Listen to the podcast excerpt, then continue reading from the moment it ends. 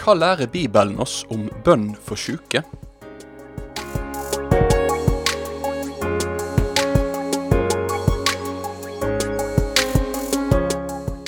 Velkommen til et eh, nytt program av Ord til liv med radio- og TV-pastor Ingvald Kårbø. Podkasten er produsert av P7 Kristen Riksradio, som vil forkynne Jesus Kristus, slik at varig frukt skapes. Vi er takknemlige for alle våre støttespillere.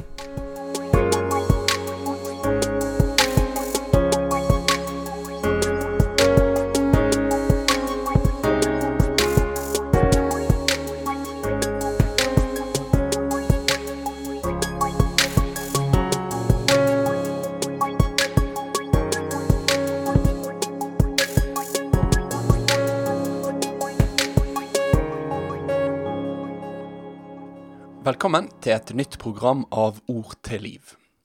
Jeg holder nå på med en serie om nådegavene. Og Først i denne serien så begynte jeg med å ha noen program som understrekte de grunnleggende overordna trekkene ved nådegavene i Det nye testamentet. Og Så har jeg i programmene etterpå prøvd å stoppe opp for noen av de ulike nådegavene som er nevnt mest i Det nye testamentet. Dagens program kommer til å handle om ei sånn nådegave og det er helbredelsens nådegave. Jeg veit ikke helt hva du tenker i møte med helbredelsens nådegave, og hva dine erfaringer har vært med helbredelse. Eller kanskje hva dine erfaringer har vært med manglende helbredelse. Kanskje du er en person som kjenner at dette med helbredelse har for lite fokus i de kristne sammenhengene der du tilhører? Eller så kjenner kanskje du på at du har fått dette helt opp i halsen at alt snakket om helbredelse, og da at du sjøl har sett så lite av det i eget liv, rett og slett har virka nedbrytende for deg og for forholdet ditt til Jesus. Uansett hva din forhistorie er, så håper jeg at dagens program kan hjelpe deg til å få en sunn og bibelsk tilnærming til helbredelsens nådegaver.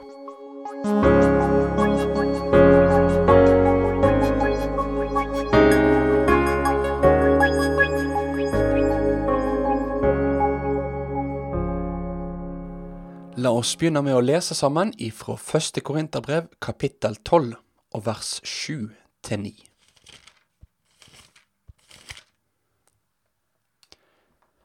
Hos hver enskild åpenbærer Anden seg slik at det tjener til det gode. For ved Anden blir det gjeve den ene å forkynne visdom, den andre å forkynne kunnskap ved den samme Anden. Ein får ei særskild tru ved den samme Anden, ein annan nådegaver til å letja ved den ene anden. Amen. Her i den teksten som jeg nå las, så viser Paulus at helbredelsens gaver er ei av de mange forskjellige gavene som Gud gir til sin menighet. Det er han som gjev sine gaver ettersom han ser er gagnlig. Før jeg sier litt mer om denne helbredelsestjenesten, så tenker jeg at det kan være tjenlig å minne deg som lytter om det rammeverket som første Korinterbrev forteller oss at nådegavene skal fungere innafor. For i kapittelet etterpå i første Korinterbrev, første Korinterbrev kapittel 13, så forteller Paulus oss om at det var kjærligheten som skulle få være gjennomsyrende i all kristen nådegavepraksis. Og Da kunne vi se da at i dette kapitlet så blir kjærligheten beskrevet som velvillig. Den skraut ikke, den krenka ikke, og den søkte ikke sitt eie. Og når ei nådegave da skulle bli utøvd i kjærlighet, så betyr det at nådegava ikke retter fokus mot den personen som har nådegava, men mot nådens Gud. Nådegavene handler ikke om at vi skal bli imponert over de menneskelige eller overnaturlige evnene til en person. Nådegavene handler derimot om at vi skal bli oppbygde i trua på Jesus. Dette er retningen, ja, dette er siktemålet, og for de som Gud gjev helbredende nådegave. Det er ikke et show. Det er ikke et personfokus. Det er ikke skryting eller helbredelse mot betaling. Nei, det er kjærlighetsfylt tjeneste. der en i samsvar med den åndsutrustninga som Gud har gitt, søker å oppbygge Kristi liende kirke. Denne helbredelsens nådegave den blir ikke utførlig beskrevet for oss i Nytestamentet, men den ser ut til å være virksom i den første kristne menighet.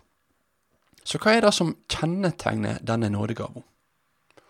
Det er jo sånn at alle som tror på Jesus ved trua har en åpen bønnevei inn til sin himmelske Far.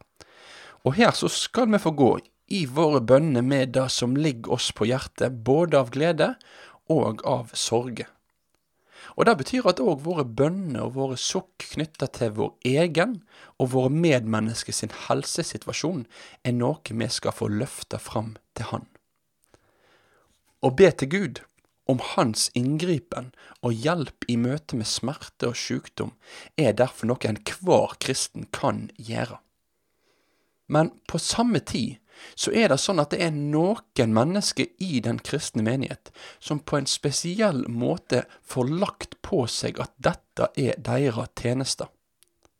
Det kan være et særskilt kall til å be for syke, og et ønske om å tjene sine medmennesker på denne måten her. Det blir disse menneskene si oppgave, deres lodd i livet. De er kalt inn i denne tjenesten. Jeg er overbevist om at dette er gaver som har vært virksom gjennom historien, og som òg er virksom i Guds verdensvide kirke i dag òg. Samtidig så er det en interessant tekst i Jakobs brev som jeg tenker vi kan ta med oss her i dag òg. For Jakob han skriver sitt brev til ulike menigheter, og da ser han ut til å forutsette at i den lokale menigheten så var det ikke sånn at normalen var at en hadde ei spesiell helbredende nådegave. Nei, for Jakob, når han skriver dette brevet, så skriver han til disse menighetene om at hvis noen er sjuke, så skal de kalle til seg de eldste i forsamlingen, og de eldste skal be ved han og salve han med olja i Herrens navn. Her så ser det dermed ut til at det ei ordna form knytta til bønn for sjuke. Den sjuke kan da sjøl ta kontakt med de eldste, altså de som har det åndelige ansvaret i forsamlingen. Disse eldste de skulle i alle fall da kunne være med å be for og salve personen. Salvingen det er en innvielse til Herren, der det blir gjort tydelig at den sjuke blir innviet til Herren, og at sjukdommen nå blir lagt i Herrens hende. Så jeg tenker at i dag òg så har vi personer som har ei helbredende nådegave i, i kristenheten. Men den generelle veiledningen i Bibelen, det er at om jeg er sjuk, så kan jeg få oppsøke mine åndelige ledere og be dem om å salve og be for meg. Kanskje dette med salving og forbund er litt for lite snakka om i vår tid. Det har iallfall vært min erfaring i møte med det. Denne tjenesten med bønn for syke, det er ei tjeneste som dermed kan være virksom på litt ulike måter i vår tid. Og vi tror på en Gud som kan gripe inn, og som faktisk griper inn på bakgrunn av våre bønner. Det er jo derfor òg vi skal få be, for Bibelen understreker jo òg for oss at vi har ikke fordi vi ikke ber, så vi blir tilskynda i Bibelen til å be. Men vi må huske da at våre bønner, de er bønner, ikke befalinger. Det er ikke vi som bestemmer. Det vi gjør, det er at vi legger fram for Gud det som er på våre hjerter. Og vi skal få komme med våre ærlige og direkte ønsker for hvordan vi håper og vil at Gud skal gripe inn i vår konkrete situasjon. Samtidig har Jesus lært oss at når vi ber, så skal vi be om at Hans vilje må råde. Her er det en balanse. En balanse som vi òg ser i Jesu egen bønn i Getsemane. Jesus han ber ærlig og direkte til Faderen, ta denne kalken fra meg. Samtidig er han òg tydelig på, ikke som jeg vil, far, bare som du vil. Og denne dobbeltheten her, den må òg vi få ta med oss i våre bønner og i vår bønnetjeneste. Vi tror på en Gud som helbreder, både på overnaturlig vis og ved hendene til leger og annet helsepersonell som bruker sin kunnskap til å gjøre oss friske igjen. Men vi lever samtidig i syndefallets verden, der sykdom, lidelse, smerter og død er og vil forbli en realitet. Sjøl om det kan være svært uforståelig, vondt og frustrerende for oss, så kan Herren velge med å svare ikke ennå på våre bønner om helbredelse. Han kan vente med å reise oss opp fra vår sykdom til den dagen han reiser oss opp fra grava, den dagen når all forgjengelighet, all sykdom og all smerte er forbi. Og til sjuende og sist så er jo realiteten da at det er jo sviktende helse som er det som fører til at for de fleste av oss våre jordeliv her tar slutt. Denne realismen her, den må vi òg ha med oss når vi snakker om helbredelse.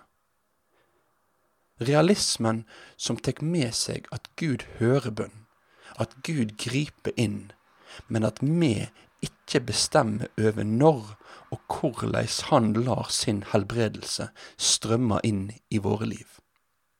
Det er innafor denne ramma her du og jeg som tror på Jesus, må få søke forbund om helbredelse. Innafor ramma av at vi legger våre ærlige ønsker fram for Herren, og så får Han ta seg av dem. Og det er òg innafor denne ramma her de som har ei tjeneste med forbønn for sjuke, òg må få møte de menneskene som søker hjelp. Mennesker som søker hjelp med sin sykdom, er i en sårbar fase i livet. En har det vondt, og en kan lett gjøre vondt verre om en møter et menneske i denne nøden på en gal måte. Om en person da formidler en teologi som lover nåtidig helbredelse, om en bare ber nok, om en bare får ordna opp i livet sitt, om en bare befaler bort sykdommen, ja, så snakker ikke denne veilederen her sant om livet med Gud i en fallen verden. Så kan avstanden mellom da den personen som søker forbønn opplever, og det som forbederen sier, bli så stor at det kan virke veldig destruktivt. Nei, vi må snakke sant om Gud, og sant om livet. Så til deg, både du som lider, og du som ber. Be frimodig, og vær frimodig med å søke forbønn. Og husk samtidig på at bønn er bønn. Bønna er at vi får lukka Gud inn i det som er vondt, og så får Han ta seg av det i si tid. Måtte Herren velsigne deg.